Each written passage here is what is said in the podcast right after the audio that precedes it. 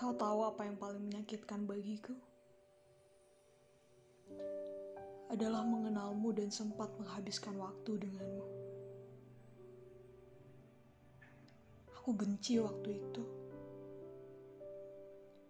Aku ingin hilangkan ingatanku tentang itu.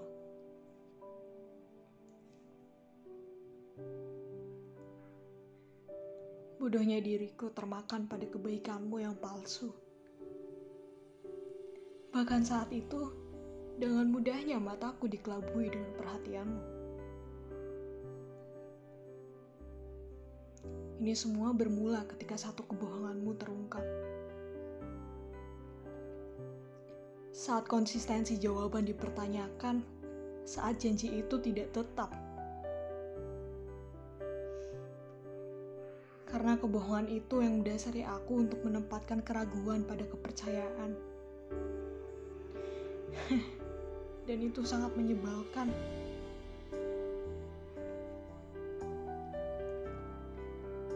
Maaf bila aku sekarang tidak menjadi diriku sendiri.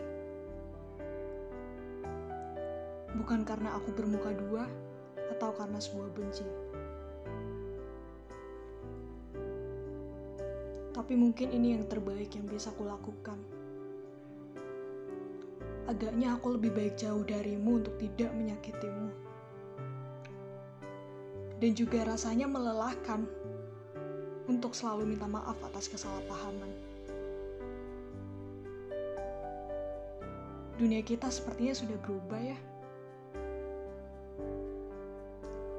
Aku hanya bisa mendoakanmu bahagia.